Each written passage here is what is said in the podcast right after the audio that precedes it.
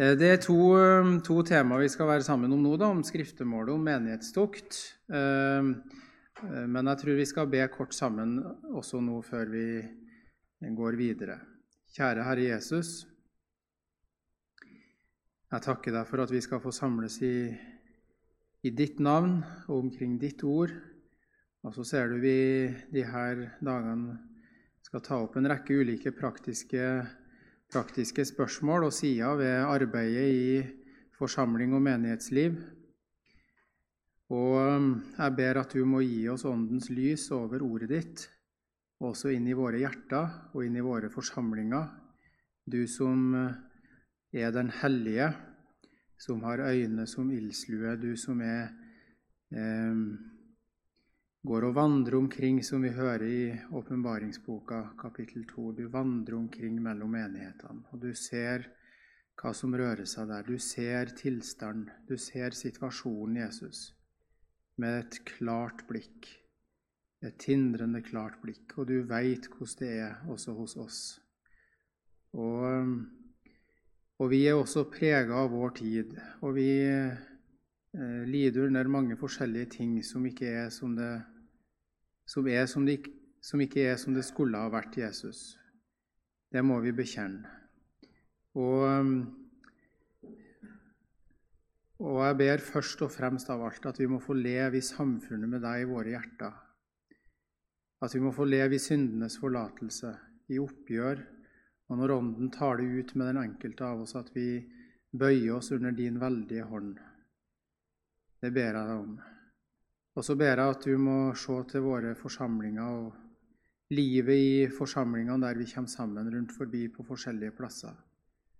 Og kjære Jesus, jeg ber at du må få din vei og vilje når du taler med oss. Også om de ting som det har vært snakka om så langt, og de ting vi nå skal snakke om. Jeg ber Herre Jesus om det, og at ditt ord må få stanse oss opp og få vekke oss opp, og at vi må få et villig og lydhørt hjerte til å, til å vende oss om til ditt ord på nytt og leve slik som du har sagt i ditt ord, også når det gjelder livet i menigheten. Det ber jeg om i ditt navn, Jesus. Amen.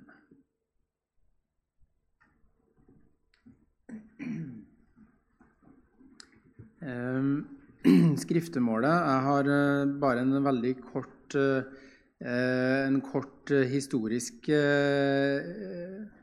en kort historisk innblikk eller glimt først. Fordi skriftemålet er jo kanskje noe som mange av oss er litt uvant med og ikke så godt kjent med.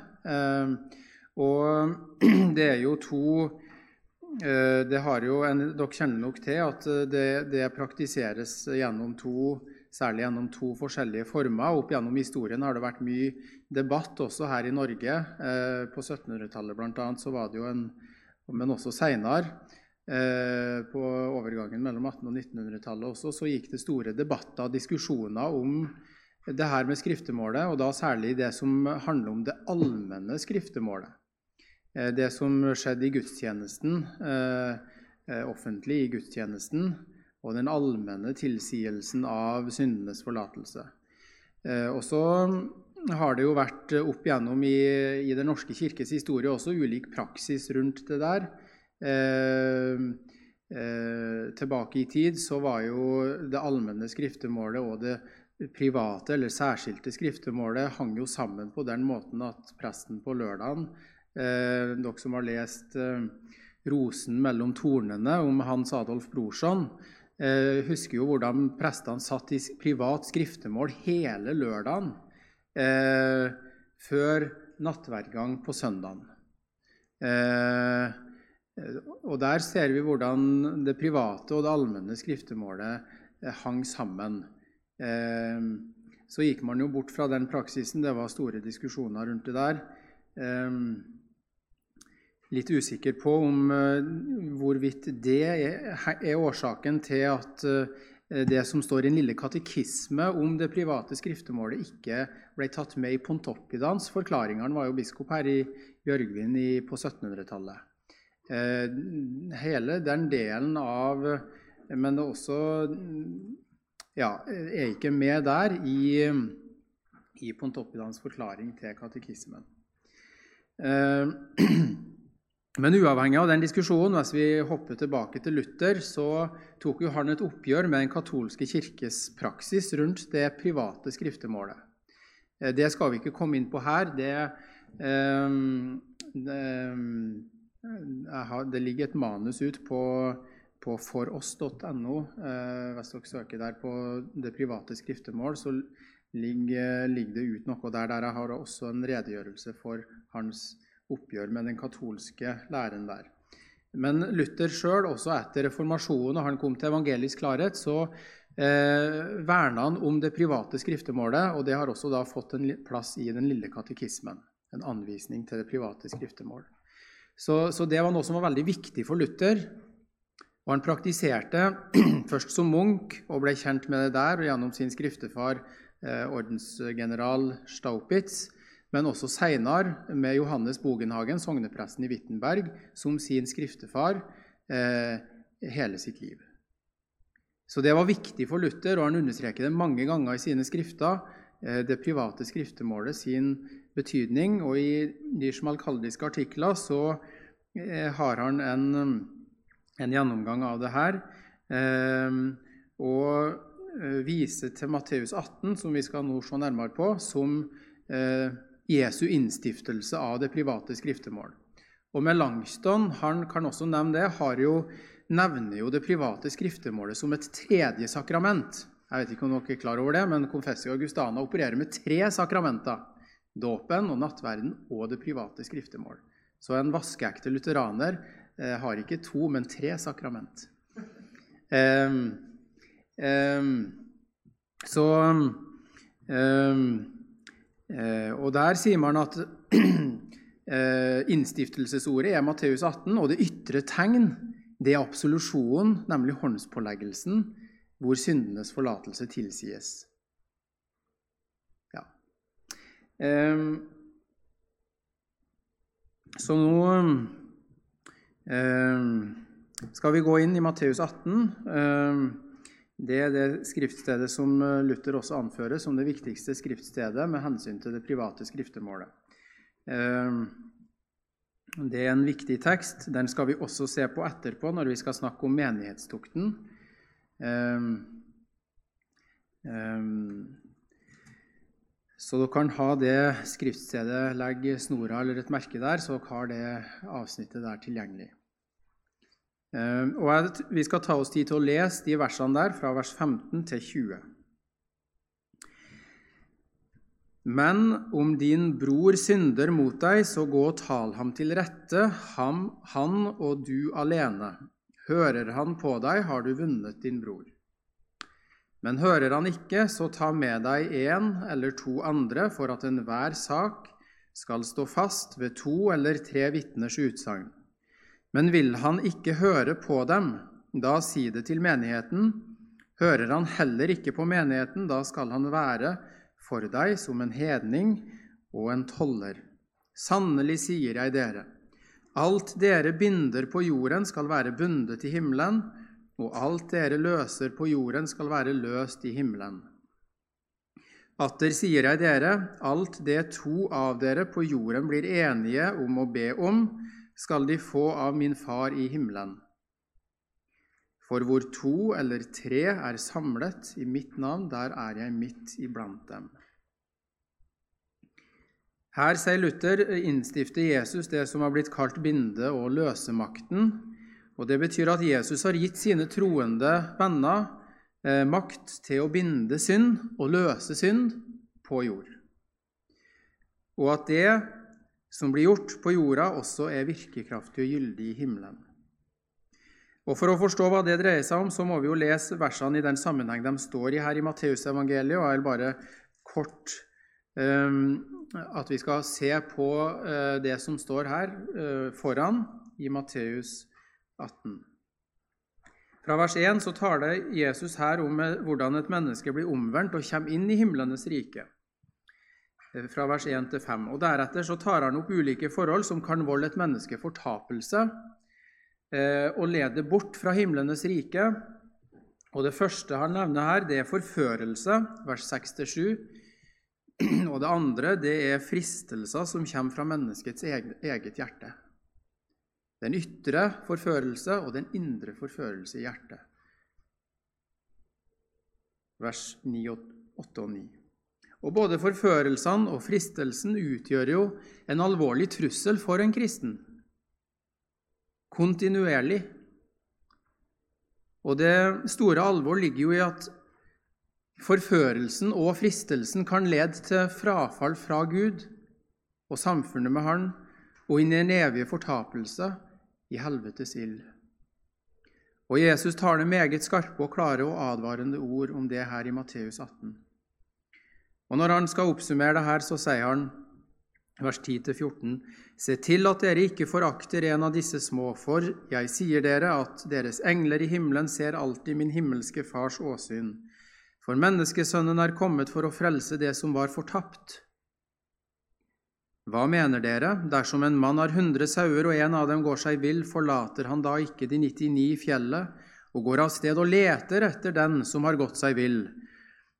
Og skulle han finne den, sannelig sier jeg dere, han gleder seg mer over den ene enn over de 99 som ikke har gått seg vill. Slik er det heller ikke i himlenes rike, Fars vilje, at en eneste av disse små skal gå fortapt. Her ser du Jesus sinnelag og hjertelag, og hvor han har nød for at du ikke skal gå fortapt.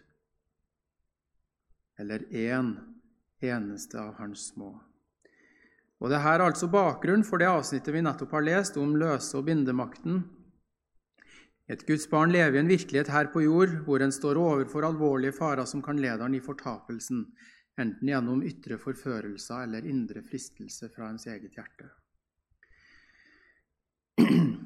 Men vår Far i himmelen han våker over sine små, og som den gode hyrde så setter han himmel og jord i bevegelse for å bevare ved sin makt og ved sin kjærlighet, og søke å berge den som har forvilla seg og står i fare for å komme bort. Og her er det han har angitt de ordene vi har lest, som en ordning mellom kristne brødre og søstre for å hjelpe hverandre, for at synden ikke skal få makt mellom oss. For det er en så alvorlig og stor fare i syndens og forførelsen og fristelsens makt at den kan lede oss bort fra Han. Og det er jo som en hjelp i det at Jesus angir denne gode ordning som skal være mellom kristne brødre og søstre. Um, og En kunne si det kort på den måten at ordningen går ut på at de troende skal tale med hverandre om sine synder og hverandres synder. Ja, det er jo Jesus klar på, og Bibelen andre steder også, at det skulle være det normale og det naturlige mellom kristne. Ja, er det slik mellom oss? Og det foregår nok i det stille også, det, uten at vi vet om det, i sjelesorgsamtale og andre ting. Det gjør det nok. Men eh, jeg tror jeg vil stille det spørsmålet likevel. Hvor levende er det her for oss? Hvor alvorlig er synden som en trussel og fare for deg? Ser du det at den kan lede deg bort fra Jesus? Og her har Jesus gitt oss en hjelp i det her. For at vi ikke skal bli liggende etter ved syndens svik og makt.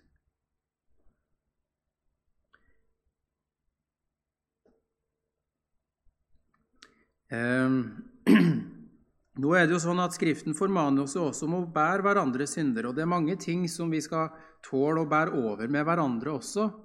Vi skal ikke gå pukk og hakk på hverandre for alle mulige ting. Det er ting vi skal bære i tålmodighet og leve i bønn for hverandre om. Eh, vi har også mange svakheter, også ytre svakhet og brist som vi ser hos hverandre, og som vi kanskje heller ikke så lett ser hos oss sjøl. Som vi skal bære og tåle hos hverandre og tilgi hjertet. Ehm, men det er synder som også kan være av en slik art at det er helt avgjørende at det tales ut om det, for at synden ikke skal få makt og føre oss inn i fortapelsen. Og det er slike synder det her tales, tale om.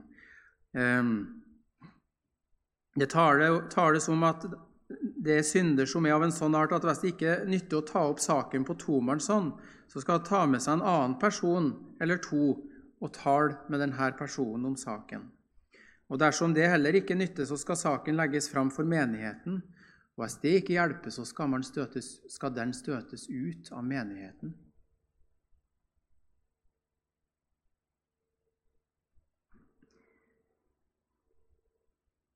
Og her har Gud innsatt eh, eh, innsatt det som gjerne blir kalt for binde- og løsemakten. Alt dere binder på jorden, skal være bundet i himmelen, og alt dere løser på jorden, skal være løst i himmelen. Det er jo eh, i eh, anvendt, altså lov og evangelium, anvendt inn i en samtale med et menneske det er ikke din personlige dom over et menneske, men det er Guds ords dom inn i et forkynt inn i et menneskes liv i møte med synd som fastholdes, som ikke vil omvendes fra. Eller evangeliets forkynnelse for et menneske der et menneske omvender seg og bekjenner sin synd og vil leve i lyset, ha hjelp til å leve i lyset, ha hjelp til å eh, eh, Synder man sitter fast med, ha hjelp, all mulig hjelp til å få eh, løsrive seg, få tru syndenes forlatelse og se Guds nåde inn i sitt liv. Så skal du forkynne evangeliet og løse det mennesket i, Jesus sted, og forkynne evangeliet konkret for det mennesket, og si at den synd du nå har bekjent for meg, den er tilgitt. Og du skal vite at jeg sitter her i Jesus sted, med evangeliet, og løse deg. Du skal vite at du er løst fra denne synda. For du har bekjent den.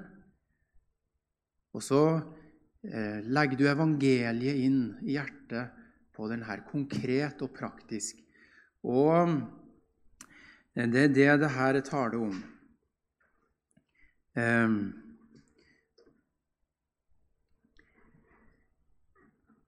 Gud har gitt en ordning eh, nå er jeg på det tredje siste avsnittet før det som heter praktisk veiledning i Luthers lille katekisme. Jeg hopper litt fram her. Det starter Gud har altså satt en ordning eh, ja, som skulle være en hjelp i kampen, den daglige og stadige kampen mot synden. En hjelp til å leve i lyset, til å leve for Guds åsyn i renhet i oppgjør, sånn at synden ikke får makt. Eller fortvilelsen. Kanskje du går og kjemper for deg sjøl med synd. Du leser i ordet og prøver å ta til deg av ordet. Du går kanskje til nattverden. Men så er det også her en hjelp som er gitt, at du gjennom denne samtalen med en bror eller en søster skal få, få hjelp til å tro i møte med en konkret synd som du har satt ordet på og bekjent og nevnt. Det står jo i Jakob 5, 16, Bekjenn deres synder for hverandre og be for hverandre. Å få høre det fra en bror, en åndelig bror eller søster, den synda du nå har nevnt,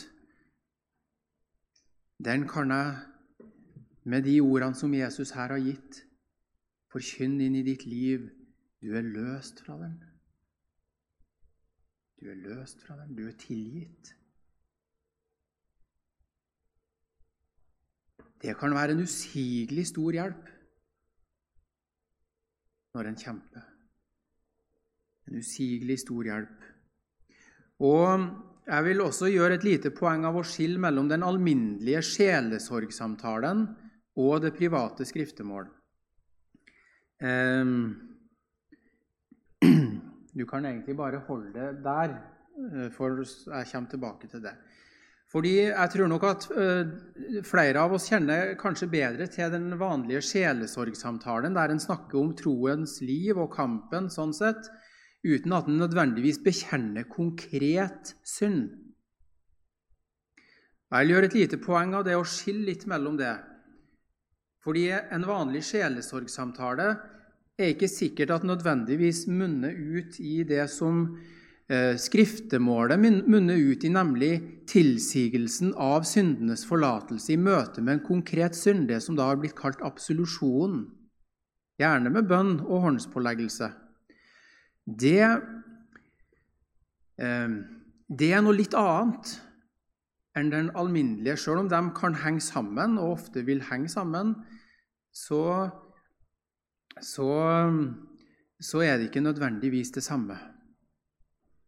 Um, og Det er det vi nå er samla om, det, det private skriftemål, hvor man går til en bror eller søster og eh, for å ha en slik samtale, hvor man vil ha, eh, få hjelp til å bekjenne synden og leve i lyset med, med sitt liv, og få høre tilsagt syndenes forlatelse i møte med den konkrete synda. Og det, det er vel jeg skal gå til den litt praktiske sida av det. Jeg tror vi skal bare gjøre det ehm, eh, nå. Og eh, til slutt her se på den praktiske. Da kan du hoppe over det og gå til det avsnittet med Luthers lille katekisme. Fordi her har, har vi den, eh, Jeg vet ikke om noen av dere har med dere eh, katekismen. For her er det den delen av katekismen som handler om skriftemålet, har vært plassert på litt forskjellige plasser. Men i denne utgaven her så står den da etter nattverdens sakrament så står det om skriftemålet. Det er ikke så langt avsnitt, men det er en praktisk anvisning. Eh, og eh, eh, Luther svarer på spørsmålet her hva er skriftemål? Skriftemålet består av to deler. Den ene er at en bekjenner synden. Den andre er at en tar imot absolusjon eller syndenes forlatelse av skriftefaren. Og Her står det med en stjerne som regel en prest eller en annen erfaren kristen. Eh, som av Gud selv og ikke tviler, eller altså mottar syndenes forlatelse av skriftefaren som av Gud selv og ikke tviler på dette, men tror fullt og fast at syndene dermed er tilgitt hos Gud i himmelen. Det er skriftemålet. Hvilke synder skal en da skrifte, spør Luther. For Gud skal en bekjenne seg skyldig i alle synder, også dem vi ikke vet om, slik som vi gjør i Fader vår, men for skriftefaren skal vi bare bekjenne de synder vi vet om og føler i hjertet.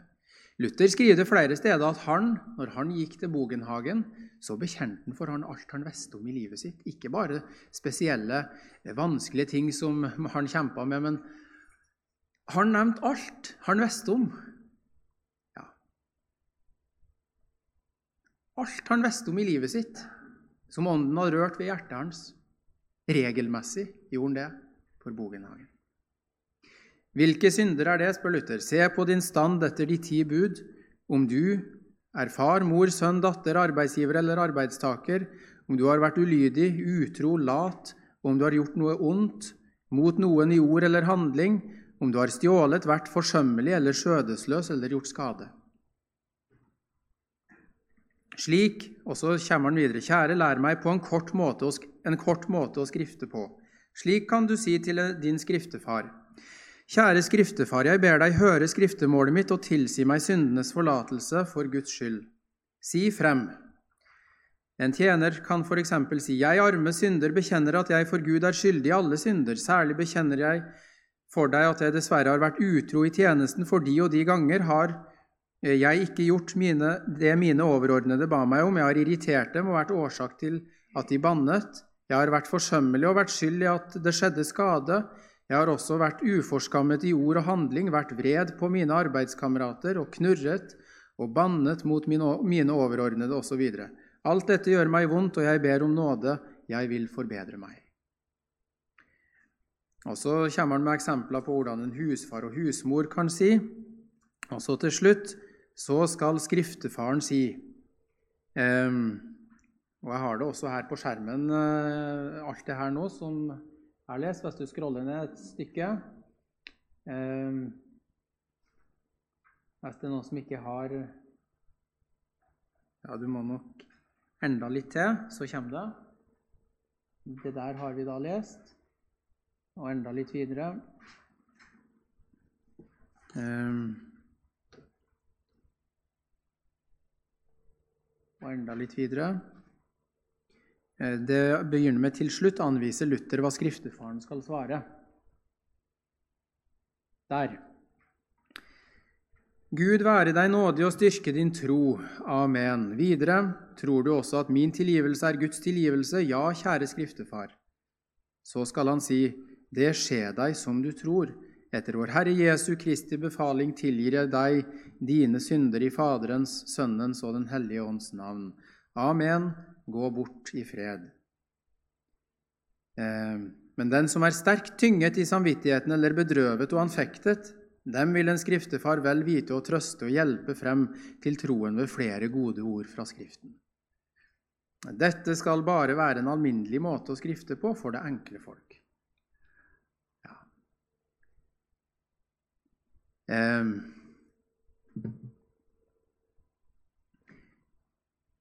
Jeg veit ikke om vi som sitter her, kjenner til at det her er brukt imellom oss.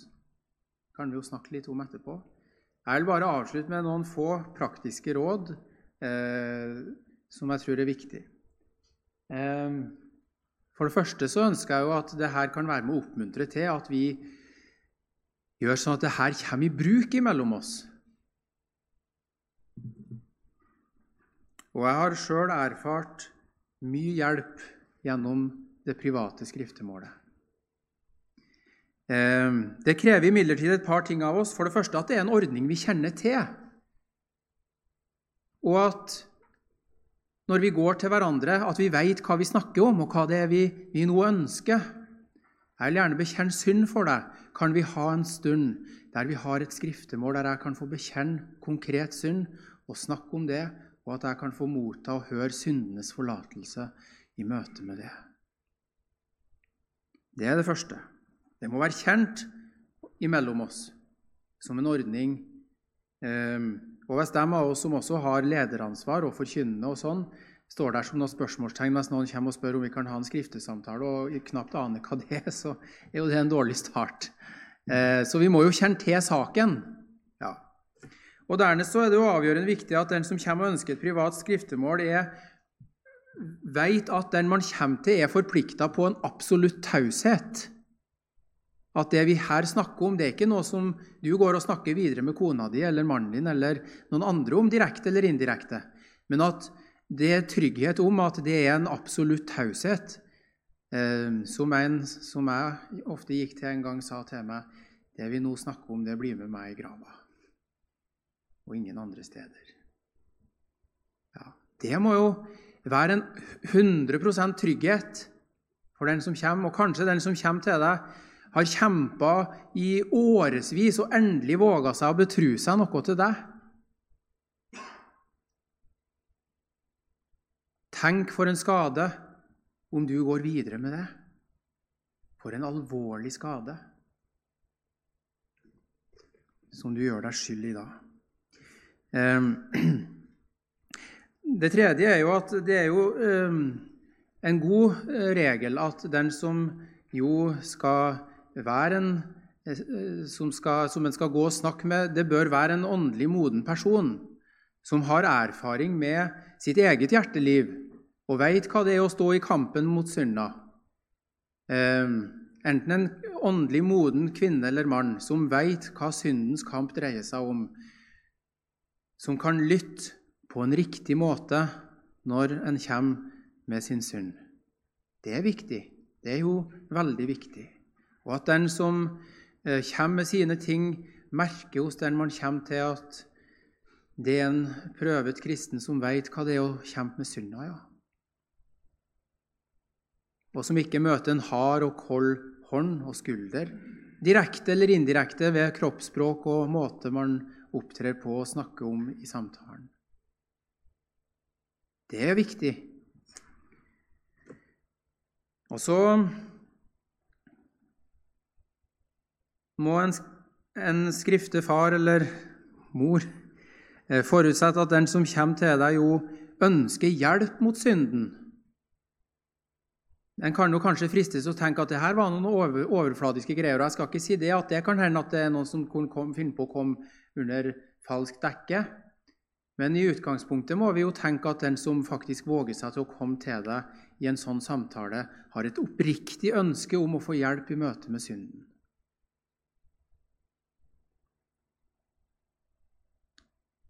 Og Så vil jeg bare avslutte med å si jeg tror det her er noe som jeg tror jeg skal kanskje våge den påstanden at dette er noe som er altfor lite utbredt imellom oss. At vi snakker, som det står, 'bekjenn derfor dere synder for hverandre'. Det er Guds ord som anviser det her som en hjelp for oss til å leve i lyset.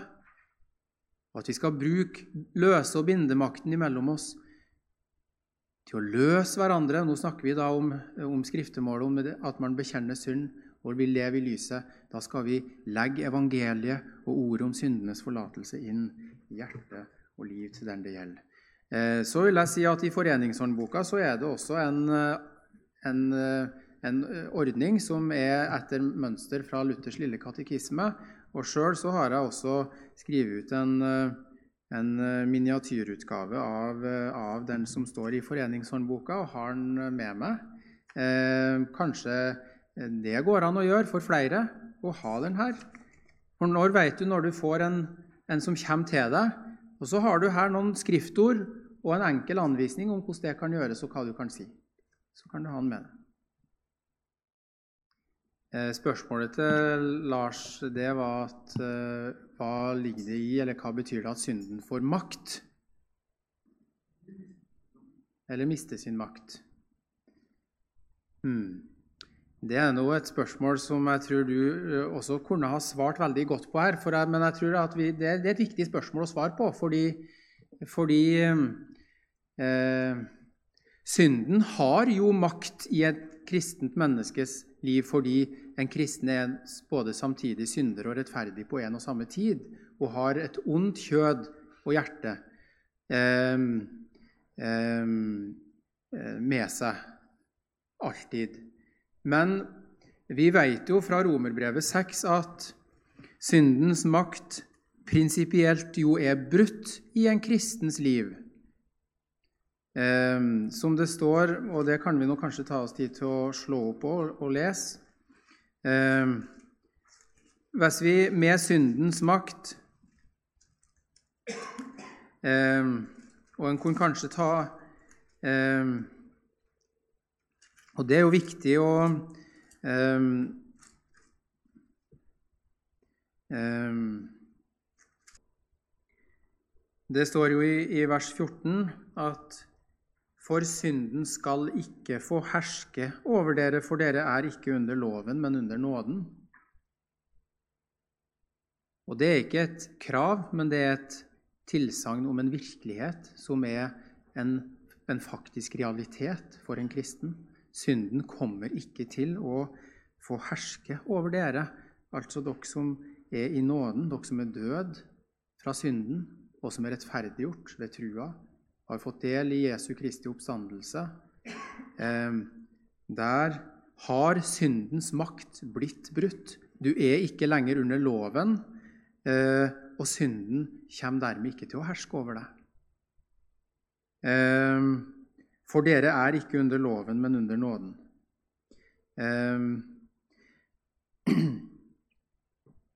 men det er vel allikevel så vet vi jo Jesus når han innstifta fotvasken, så sa han til sine disipler dere er alt rene av de ord jeg har talt til dere. Men det var like fullt nødvendig for dem at de måtte vaske føttene sine. Eh, fordi synden, og da kan de kanskje bruke et annet ord som Skriften bruker, nemlig syndens svik, at den har en evne til, hvis den får rom, til å lede oss bort fra det nådesamfunnet som gjør at vi eh, kommer ut av nåden, og dermed at synden får makt i våre liv på den måten at den, den river oss løs fra samfunnet med Jesus.